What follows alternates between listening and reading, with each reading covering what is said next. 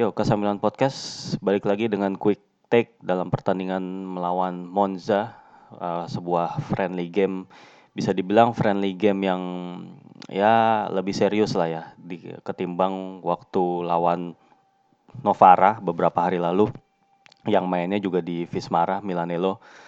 Gak, ya bener-bener baru pertama kali. Nah kalau ini pas lawan Monza ini mainnya di San Siro dan bisa dibilang uh, intensitas pertandingannya juga sangat-sangat tinggi walaupun ya kedua tim memang terlihat uh, hubungannya sangat dekat ya dari manajemen ya Monza sebagaimana kita tahu itu kan klub yang sekarang dimiliki oleh uh, Silvio Berlusconi mantan presiden Milan yang sekarang sedang uh, berjuang untuk melawan COVID-19 ya wish him speed recovery dan juga Adriano Galliani. Adriano Galliani juga diajak oleh Silvio untuk uh, menjadi sport directornya si Monza. Dan juga pelatihnya adalah Christian Brocchi yang juga mantan pelatih Milan ya sempat menjadi pelatih Milan uh, setelah pada musim di mana Sinisa Mihailovic melatih. Dan Brocchi juga uh, mantan pemain Milan juga. Dia membela Milan dari tahun 2001 sampai 2008 dan sebelumnya dia juga pernah main di Akademi Milan ya. Dari umur 9 tahun dia main di Akademi Milan. Jadi memang pertandingan ini uh, bisa dibilang seperti melawan tim kedua atau pokoknya tim lain Milan lah gitu. Dan beberapa pemain juga cukup identik ya sama uh, bukan cukup identik kayak pernah lah bermain di Milan seperti Gabriel Paletta backnya back Monza sekarang ya usianya 35 tahun ya kemarin tampil terus ada Marco Fossati juga. Ya itu juga mantan uh, pemain Primavera Milan.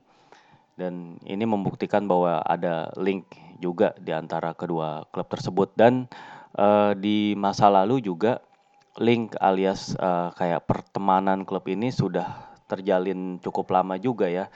Karena beberapa pemain ya uh, bahkan legend ya ini legend Milan yaitu Christian Abbiati dan juga Billy Costa Curta tuh pernah main di Monza gitu ketika mereka masih muda untuk mendapatkan uh, jam terbang. Jadi bisa dibilang kesuksesan Milan juga tidak bisa terlepas ya walaupun ada andil sedikit lah gitu ya dari kesebelasan Monza gitu. Jadi pertandingan ini ya walaupun ini masih pre-season tapi kalau gue lihat sedikit uh, konklusi aja Monza bukan lawan yang gampang. Mereka sekarang main di Serie B. Uh, sepanjang pertandingan mereka bagus banget. Christian Brocchi dengan formasi 4-3-1-2-nya itu membuktikan ya bahwa eh, ini tim emang bukan untuk uh, diayam-ayamin gitu. Dan tim ini udah emang udah siap dan kelihatannya udah ready banget secara fisik gitu. Walaupun ya Serie B juga belum mulai ya. Ya mungkin kita akan lihat dari susunan pemain aja dulu sih seperti biasa susunan pemain kalau Milan ini menurunkan kiper Antonio Donnarumma ya. Terus Calabria sebagai bek kanan dua bek tengahnya Leo Duarte dan Gabriel Belodi uh, Theo Hernandez sebagai bek kiri. Lalu kemudian double pivotnya Benacer dan Kessie. Lalu kemudian tiga gelandang serangnya diisi Daniel Maldini di kiri Lucas Paqueta di tengah dan uh, Emil Robak di kanan untuk penyerangnya adalah Zlatan Ibrahimovic dan juga apa bertindak sebagai kapten kesebelasan. Sementara Monza ini kebetulan gue emang uh, gue sih suka banget sih nonton pertandingan dan uh, biasanya ini ini sebelum gue nonton gue nggak tahu sama sekali siapa pemain Monza tapi wah untungnya setelah gue nonton dalam 45 menit gue tahu uh, starting yang Monza berikut dengan posisi dia dan juga beberapa atribut tentang dia hanya dari uh, mendengarkan uh, apa namanya uh, play by play komentatornya gitu. Terus uh, kipernya Monza itu Eugenio Lamana, ini juga kiper yang cukup berpengalaman di Serie A, pernah main di Genoa, ya. Quartet backnya itu uh, Franco Leporte di BK sebagai bek kanan, terus uh, Marco Samprisi sebagai bek kiri dan duet bek tengahnya Giuseppe Belusi dan uh, Gabriel Paleta. Nah, Paleta yang tadi disebut ya peran Paleta cukup sentral di pertandingan ini. Ya dia selain dia sangat disiplin dalam uh, menjaga pertahanan selama 90 menit, dia juga memberikan satu assist gitu ya. Lalu kemudian uh, beranjak ke tengah ya, itu, uh, ada tiga gelandang, ada tiga gelandangnya Monza yang bermain sejajar dan nggak apa, nggak terpaku pada posisinya, yang mana DM, yang mana CM gitu. Tapi itu, uh, biasanya yang yang mainnya agak-agak deep itu adalah ada dua, uh, Andrea Barberis itu mantan gelandangnya Crotone dan juga Marco Armelino, Marco Armelino sorry, Marco Armeli Ar Armelino apa Armelino pokoknya di antara itulah, gitu. Terus ada kapten kesebelasan Andrea Derico, kemudian ada pemain yang ditu yang ditugaskan sebagai trequartista, Cosimo Cosimo Crico, Kriko apa Kiriko lah lupa lah pokoknya. Pokoknya itulah Cosimo Kriko apa Cosimo Kiriko lah. Terus uh, dua penyerangnya adalah Marco Vinotto yang pemain yang mencetak gol ke gawang Milan dan juga Mirko Maric. Itu Mirko Maric itu adalah uh, penyerang asal uh, Kroasia. Musim lalu main di uh, kesebelasan Osijek, Osijek, Osijek yang pernah diperkuat oleh Davor Suker zaman dulu. Dan si Mirko Maric ini eh Mirko Marik. Iya benar ya Mirko Marik ini uh, mencetak 20 gol untuk Osijek musim lalu dan uh, terlihat pemain ini uh, sangat bagus ya tipikal striker yang tinggi besar ya punya uh, skill yang bagus kidal juga dan ini tipikal pemain-pemain yang emang cocok lah di main di Serie B gitu. Uh, kembali ke pertandingan, ya Monza memberikan press uh, pressure yang sangat-sangat bagus ya. Jadi uh, dua penyerang dan juga uh, setidaknya dua gelandang serang ya. Ada empat orang lah, tiga atau empat orang, tiga sampai empat orang itu melakukan pressing terhadap lini belakang Milan saat melakukan build up. Dan uh, dua gelandang dari Monza itu uh, juga memberikan pressing menutup ya menutup celah passing ya yang apa ditujukan kepada Benasir dan Kessie. Sehingga ketika uh, back-back Milan itu berusaha untuk melakukan build up, mereka tuh agak sulit untuk memberikan bola kepada Benasir ataupun Kessie sehingga apa yang dilakukan adalah menyerang melalui uh, fullback ya. Uh, baik Theo Hernandez maupun Davide Calabria maupun uh, direct aja. Jadi bola itu langsung ke Zlatan ataupun ke penyerang-penyerang lain. Dan cara yang dilakukan oleh uh, Pioli ya untuk menangani pressing seperti ini adalah uh, sebenarnya seperti yang dia lakukan ketika uh, menang, uh, menanggulangi uh, pressing heksagonalnya AS Roma waktu di pertandingan Serie A uh, uh, musim lalu yaitu dengan menugaskan gelandang-gelandang uh, serangnya maupun uh, Zlatan itu turun cukup deep untuk menjemput bola kayak jadi Daniel Maldini maupun Emil Robek maupun Zlatan ya itu benar-benar turun jauh. Bahkan Lukas Paketa juga kadang-kadang turun ke posisinya Benasir dan Kessie untuk ikut ngejemput bola gitu. Uh, kemudian uh, lini uh, lini pertahanan Monza juga bermain sangat disiplin. Paleta dan juga Belushi itu benar-benar solid di belakang nggak memberikan ruang. Mereka benar-benar main. Ya garis pertahanan Monza nggak begitu tinggi. Ya ya mereka ya bisa dibilang low block aja defense-nya. Dan ini membuat emang uh, sulit untuk Zlatan menemukan celah. Dan Zlatan juga belum ada belum apa balik ke top performingnya uh, dia masih sering uh, kayak salah uh, mengirimkan passing ataupun beberapa peluang uh, clear cut chance dia juga dapat ya yang asal tendangannya akurat itu gol, tapi itu masih belum uh, tercipta gol. Dan di babak pertama Milan itu bisa bikin gol cepat sebenarnya lewat Davide Calabria itu pun dari tendangan jarak jauh karena memang sulit untuk menemukan ruang atau celah di lini pertahanan Monza yang digalang disiplin oleh uh, Paleta dan Belushi gitu ya. Uh, terus ketika Milan unggul 1-0 ya Monza masih uh, memainkan uh, permainan yang seperti mereka biasanya gitu. Monza itu nggak tertekan karena mungkin ini juga pertandingan persahabatan juga yang no pressure bisa dibilang ya. Monza itu kalau misalnya build up itu sangat aktif. Eugenio Lamana itu sangat aktif dalam uh, build up. Jadi dia bukan sekedar shot stopper, dia juga bisa uh, passing, melakukan passing-passing dan emang uh, permainannya Broki memang seperti itu kayak di desainnya gitu. Jadi uh, dua gelandang uh, sering banget turun yaitu si Arman Armanilo dan juga si Barberis itu sering banget turun deep ya. Tapi mereka itu nggak nggak nggak nggak nggak ada di antara mereka tuh satu DM gitu. Tapi mereka itu jadi prakteknya ketika build up mereka tuh jadi double pivot di situ. Mereka jadi double pivot dan ketika bertahan itu ada tiga tiga center backnya. Uh, Monza itu uh, bermain dengan tiga pemain belakang. Jadi ketika salah satu fullback naik, fullback yang satunya lagi tuh tetap ada di situ gitu untuk membentuk trio center back dan uh, si dua dua gelandangnya ini membentuk double pivot ya si Barberis dan juga Armanilo ini. Jadi baik Barberis maupun Armanilo itu memberikan alternatif passing sehingga ketika misalnya Lamana itu uh, di press itu bisa ngoper ke di antara dua gelandang ini.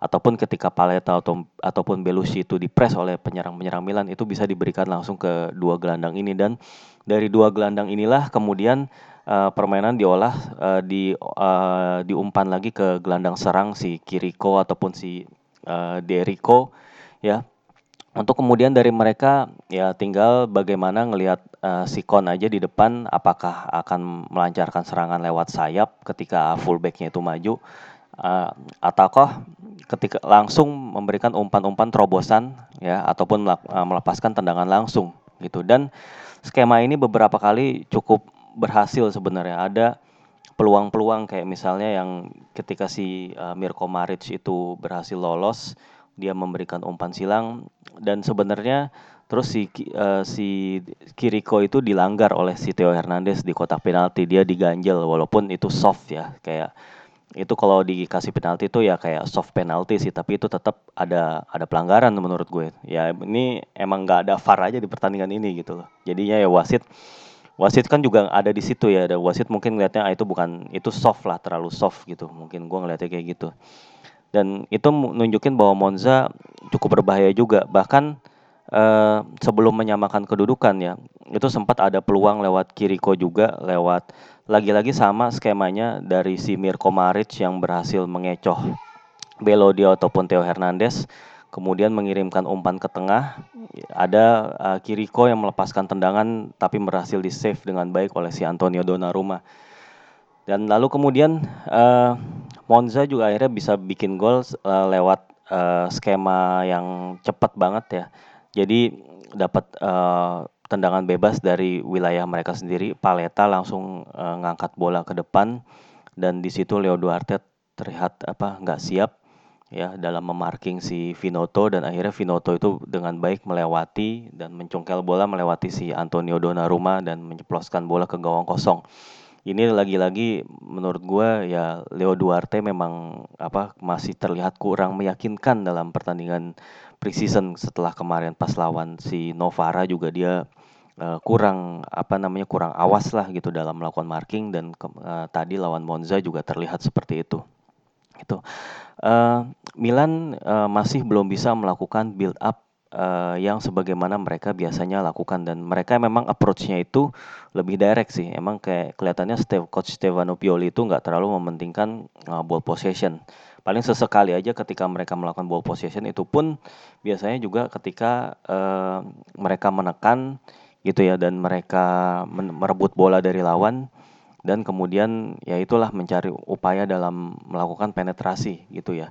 Ini sepertinya lebih dipentingkan oleh coach Stefano Pioli dan ini uh, build up dan juga apa namanya kombinasi kombinasi-kombinasi yang cukup rapi ini terlihat di golnya Daniel Maldini ya.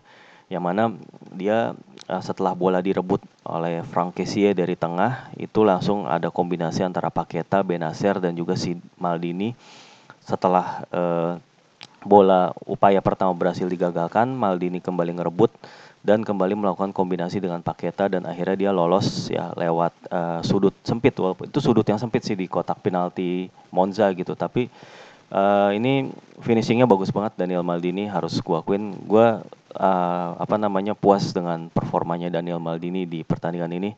Dia sangat rajin dia terlihat sangat tajam gitu. Dia apa namanya uh, skillful ya walaupun kontribusi defense-nya uh, sangat minim tapi setidaknya dalam menyerang dia uh, beberapa kali juga berhasil merebut bola melakukan pressing dengan baik melakukan kombinasi dengan bagus uh, dengan Paketa maupun uh, Zlatan ya dia udah nggak begitu canggung lagi sih kalau gue lihat dan beberapa pengambilan keputusannya udah cukup tepat tapi memang ya eksekusinya aja yang masih belum terlalu mulus gitu. Uh, gue ngelihat Daniel Maldini ini ada setidaknya melakukan dua atau tiga uh, percobaan tendangan ya. Percobaan tendangan pertama masih ditangkap dan percobaan eh percobaan pertama masih melenceng dan kedua itu uh, terlalu lemah dan masih bisa ditangkap. Dan percobaan ketiga dia baru berhasil gitu. Bagi Zlatan sendiri juga dia ada beberapa ada satu peluang yang paling bagus menurut gue dari tepi kotak penalti yang sebenarnya itu posisi dia banget. Cuman tendangannya akurasinya masih jauh ya dan juga ada ada gue lupa ada satu peluang lagi kalau nggak salah tapi ya belum bisa dia manfaatin karena Zlatan itu cukup uh, kesulitan selain uh, udah dihadang oleh dua center back uh, du dua gelandangnya si Monza ini juga cukup rajin untuk mepet dia gitu dan Kemudian uh, di babak kedua serangkaian pergantian pemain juga dilakukan. Uh, Radek Krunic masuk menggantikan si uh, Benacer di kubu Milan. Lalu kemudian di kubu Monza ada beberapa pertandingan uh, Lamana diganti dengan Michele Di Gregorio itu kiper uh, pinjaman dari Inter. Kemudian Giulio Donati itu juga mantan back muda Inter yang sempat main lama di Bundesliga di Bayer Leverkusen kalau nggak salah ya sama di Wolfsburg ya.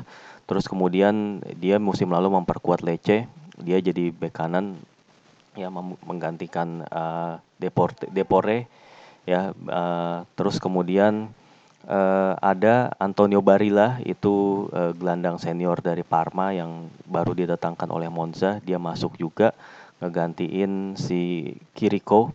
Lalu kemudian Jose Machin, Jose Machin itu gelandang dari uh, Equatorial eh, Guinea. Ini pemain gue akuin dia bagus banget. Dia ternyata punya kemampuan teknis yang sangat bagus. Ibaratnya mungkin dia dia tuh mengingatkan sedikit banget kepada Yaya Torre pada prime-nya gitu. Ya mungkin uh, mas dalam level yang masih agak-agak jauh lah, tapi playing style-nya tuh ada agak-agak mirip-mirip kayak gitu, powerful tapi juga skillful dan punya visi juga gitu.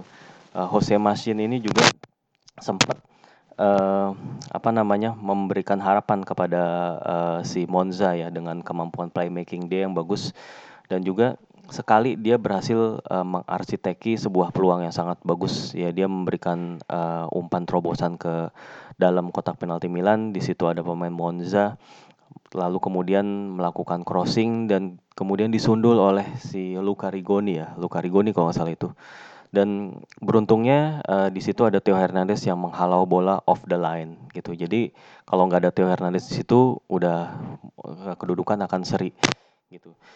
Lalu kemudian di situ juga uh, akhirnya Milan uh, pada menit ke-70-an ya, 70 melakukan uh, banyak pergantian pemain di situ termasuk Zlatan diganti uh, Lorenzo Colombo terus kemudian si Leo Duarte digantikan oleh si Pierre Kalulu, jadi Calabria geser sebagai center back. Lalu kemudian uh, Tomaso Pobega masuk menggantikan Frank Kessie. Uh, Brahim Diaz, nah ini yang ditunggu-tunggu juga uh, masuk menggantikan Lucas Paqueta.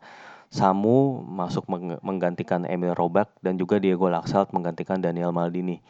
Ini seperti kayak uh, kayak mengubah jalannya pertandingan sih di, antara tim satu dan tim dua ini gitu di mana uh, di tim dua ini sebenarnya perlawanan dari Monza itu udah mulai uh, kedodoran ya ternyata ya stamina mereka untuk melakukan pressing selama 90 menit itu juga belum cukup juga gitu.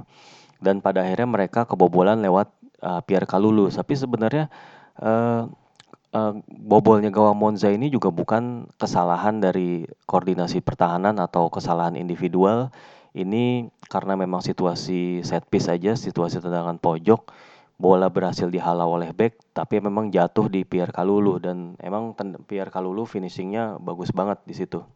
Ya, tendangannya mendatar pojok, ya itu agak sulit untuk diantisipasi kiper mana pun, ya.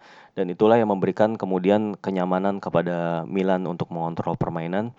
Lalu akhirnya eh, beberapa menit kemudian itu kan tadi menit ke 89-an ya Terus uh, menit ke 92 lah kira-kira itu bola berhasil direbut oleh si Ibrahim Diaz di tengah eh Pobega atau Diaz lah lupa terus jatuh di kaki Castillejo dan akhirnya uh, dengan finishing yang sangat bagus yang ala-ala Christian Vieri itu Lorenzo Colombo melepaskan tendangan gitu, melepas tendangan yang yang sangat-sangat akurat ke pojok atas gawang uh, Monza yang bolanya juga agak-agak belok, agak-agak curling di situ dan akhirnya menutup skor dengan 4-1. Nah, sebagaimana eh, gue sering bilang, yang namanya skor akhir pertandingan itu nggak selalu menggambarkan jalannya pertandingan. Jadi kita ini bukan apa bukan fans live score ya. Jadi yang melihat pertandingan, oh menang 4-1, oh, berarti lawannya nggak ada apa-apanya gitu. Skornya terlalu telak.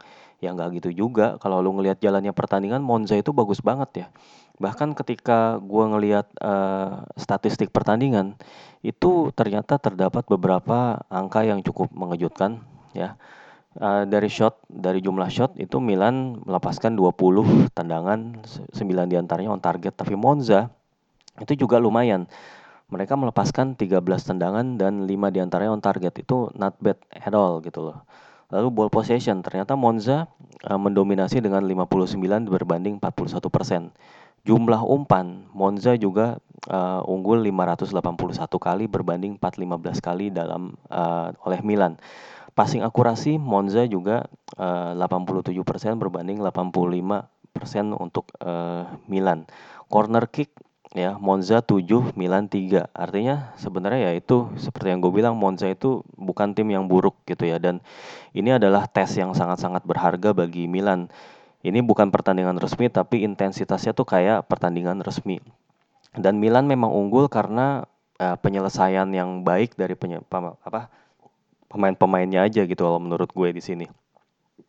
Dan juga kombinasi di final third yang udah mulai terus membaik, membaik gitu dan Lukas Paketa menunjukkan bahwa dia juga bisa tampil bagus di pertandingan. Dia di babak pertama main sangat efektif ya, umpan-umpan terobosannya beberapa kali uh, memberikan peluang dan ada satu key pasnya dia yang kepada Emil Robek itu bagus banget. Akhirnya si Emil Robek itu berhasil ngegocek si Paleta tapi sayang aja uh, pada saat dia mau ngelepas tendangan itu udah ada pressing dari si uh, backnya Monza yang lain. Akhirnya tendangan kaki kirinya si Emil Robak itu lemah gitu ya. Terus uh, ya Paketa juga tadi memberikan assist kepada si uh, Daniel Maldini walaupun assistnya tadi agak-agak deflected gitu. Lalu dan beberapa kali juga Paketa memberikan ke peluang kepada Zlatan Nah, gue juga nggak tahu nih tujuan uh, paketa ini dipasang terus apakah untuk attract calon pembeli ya ataukah memang paketa ini dibutuhin emang benar-benar dibutuhin gitu karena emang Stefano Pioli emang mengandalkan dia. Tapi kan ini belum ada Hakan Calhanoglu ya dan juga uh, catatan penting juga uh, ada di performa Brahim Diaz. Tadi emang nggak banyak ya yang bisa ditunjukin Brahim Diaz cuma 20 menit dia main. Tapi beberapa kali dia uh, menguasai bola. Kalau gua ngelihat sih Brahim Diaz ini adalah uh, seorang uh, gelandang serang. Tadi main berperan uh, di posisi Paketa gelandang serang tengah yang sangat bagus. Dia kadang-kadang bisa switch play dengan uh, Samu Castillejo. Karena Brahim Diaz ini secara naturalnya dia seorang left footer. Seorang left footer dia jadi memang biasa gerak dari sisi kanan. Kadang-kadang melakukan cutting inside kadang-kadang melakukan dribble jarak pendek untuk melakukan penetrasi ke uh, wilayah pertahanan lawan. Dan dia melakukannya dengan baik. Tadi sempat ada satu momen dia melakukan uh, penetrasi di uh, wilayah kotak penalti sebelah kanan. Dan dia berhasil ngedribble dengan bagus. Susah banget ngambil bola dari dia dan kemudian diakhiri dengan umpan silang dengan kaki kiri dengan uh, melakukan apa chop uh, dicongkel bolanya sama dia. Tapi emang sayangnya nggak ada nggak uh, menghasilkan asis bagi Milan itu. Terus uh, Brahim Diaz juga ternyata walaupun dia seorang left footer, dia sama sekali nggak kaku, nggak yang kidal ortodok kayak gitu, tapi dia juga mempunyai kaki kanan yang hidup. Jadi dia bisa bisa dibilang adalah seorang tipikal gelandang yang modern. Kedua kakinya hidup juga. Kaki kanannya juga cukup akurat melakukan beberapa kali melakukan simple simple passing dia menggunakan kaki kanan ya. Jadi uh, Brahim Diaz itu gua rasa juga seorang yang pokoknya balance aja gitu. Tapi mungkin ada beberapa uh, kelemahan tadi, ada catatan sih di performa dia. Jadi ketika dia menem, uh, menerima bola, kadang-kadang dia tuh belum siap. Jadi ketika dia menerima bola, udah dikerubutin sama dua apa dua pemain yang ngepres dia dan dia kelihatan belum siap dan langsung bolanya itu kerebut gitu. Walaupun kalau bola itu udah di kaki dia itu sulit direbut, tapi kalau bola belum di kaki dia, nah itu dia masih kayak kurang awas untuk ngejaga bola di situ gitu.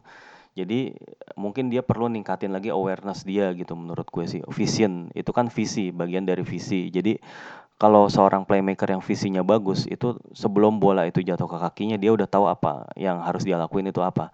Nah kalau Brahim Diaz ini kayaknya tipikal pemain yang dia baru bener-bener uh, apa ya baru bener-bener sulit dihentikan ketika bola ada di kakinya. Tapi ketika bola belum ada di kakinya, gue sih tadi ngelihat di game ini tadi di particular game ini itu masih belum terlihat kualitasnya gitu ya itu masih bisa ditingkatin nih. Uh, by the way dia masih umur 21 tahun juga dan dia benar-benar baru main ini gitu.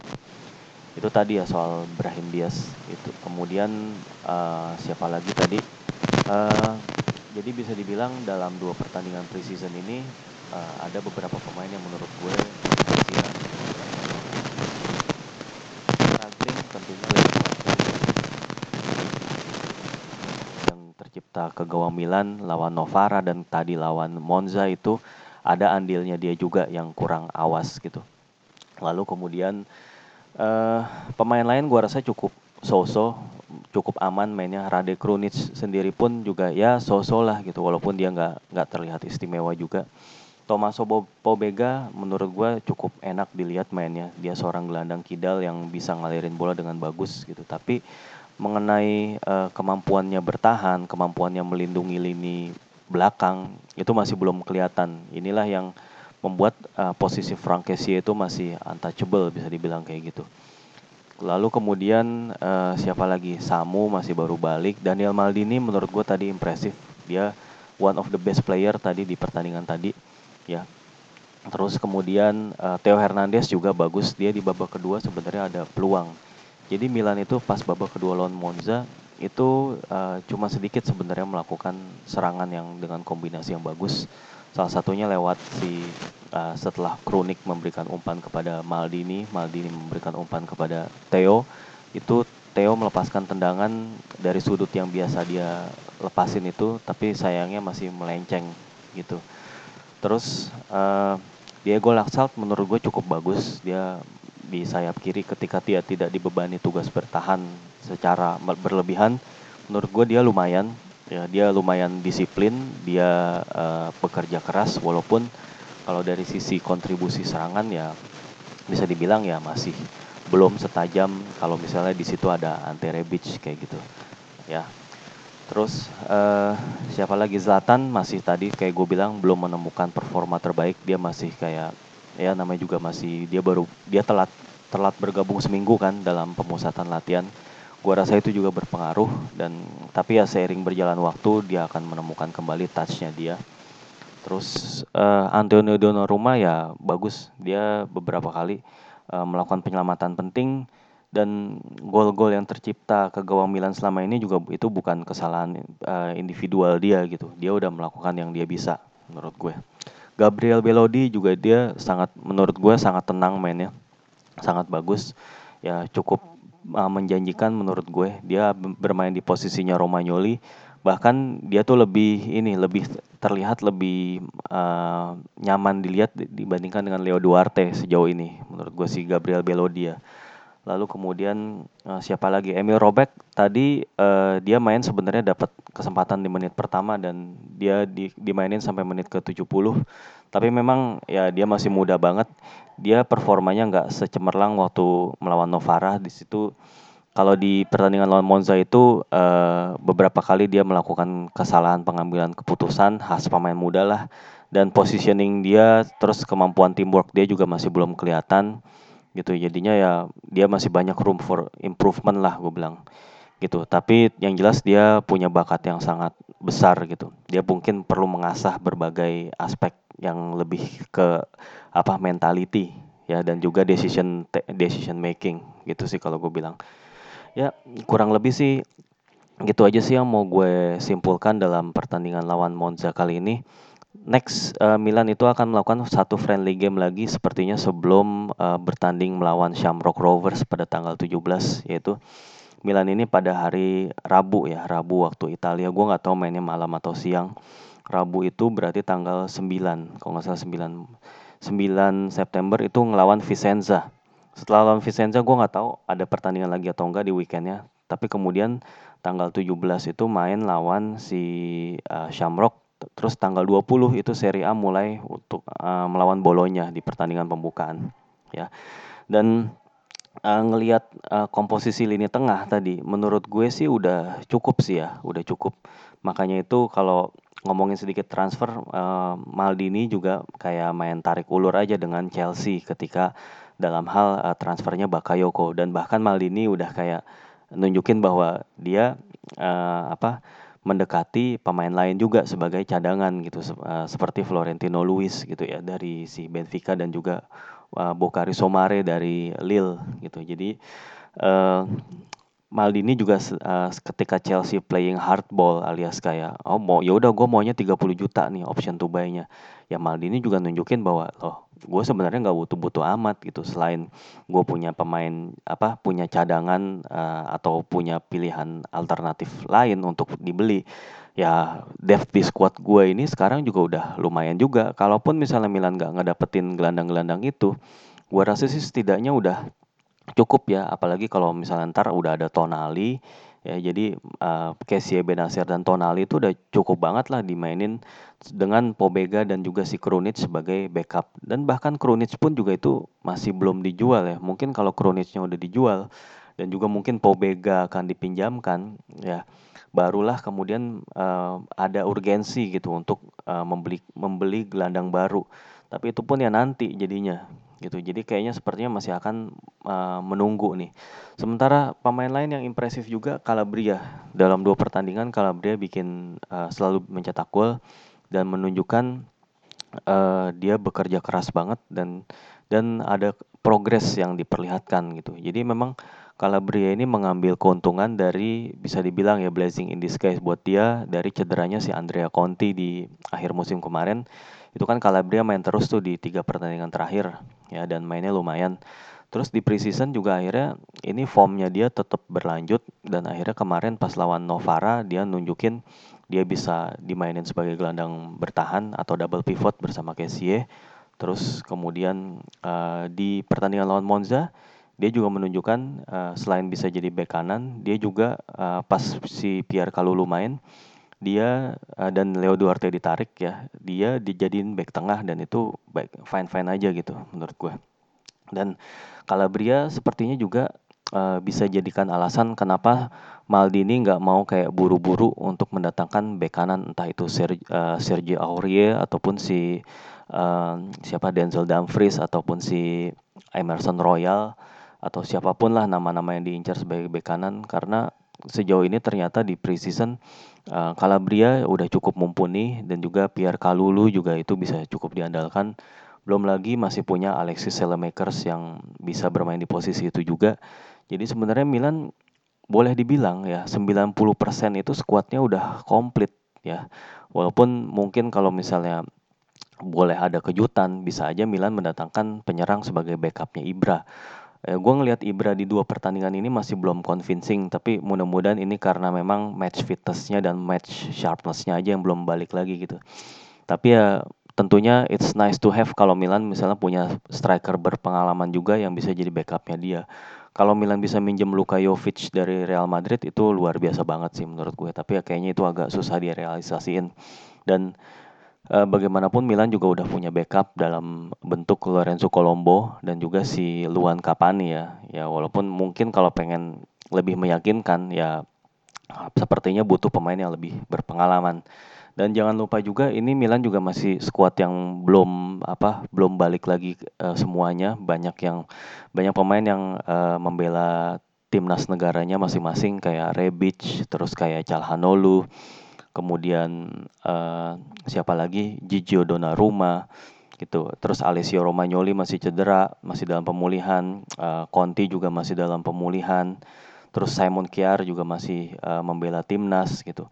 Artinya kalau tim ini berkumpul ditambah dengan pemain baru seperti uh, Tonali gitu nantinya dan juga uh, Brahim Diaz ini menurut gue udah udah cukup lah udah komposisi yang cukup Cuman ya balik lagi nice to have lah kalau ada pemain yang berpengalaman karena uh, kemungkinan juga Milan akan bermain lebih dari 50 pertandingan musim ini dengan uh, main di Eropa juga dan juga dengan target empat besar gitu. Jadi pertolongan-pertolongan dari pemain berpengalaman itu jelas sangat-sangat dibutuhkan. Oke, okay? uh, sorry udah kelamaan nih. Kurang lebih itu aja sih yang mau gue bahas. Tadinya cuma quick take, tapi ternyata cukup banyak yang dibahas. Oke, okay, uh, sekali lagi uh, makasih udah dengerin Kasamilan Podcast dan mohon maaf atas segala kurangannya ya. Sampai jumpa lagi dalam pembahasan berikutnya. Ciao.